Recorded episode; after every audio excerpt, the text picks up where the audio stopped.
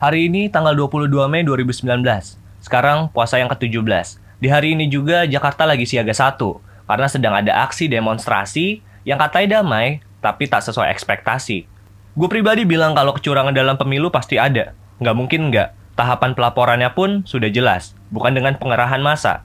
Sekarang gini, gue analogin pemilu dengan ujian nasional. Zaman lu dulu sekolah pasti ngerasain yang namanya ujian nasional.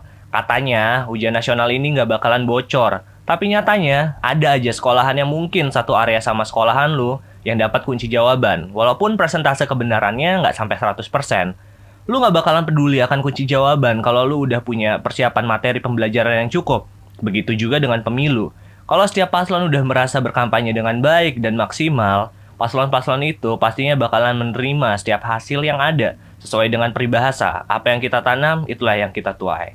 Thank you so much, gue Zakir Wandi, dan jaga perdamaian.